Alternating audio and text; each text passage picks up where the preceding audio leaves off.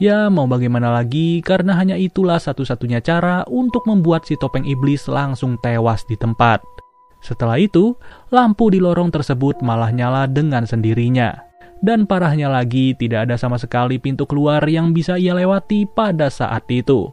Di sisi lain, si topeng badut sedang menghancurkan satu-satunya mobil milik Evan yang tentu saja bertujuan agar mereka tidak bisa pergi ke mana-mana.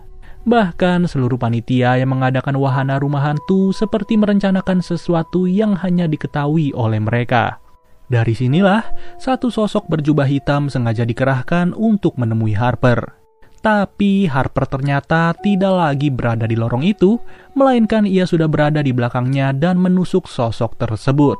Namun betapa terkejutnya Harper setelah mengetahui sosok di balik jubah itu adalah Bailey temannya sendiri.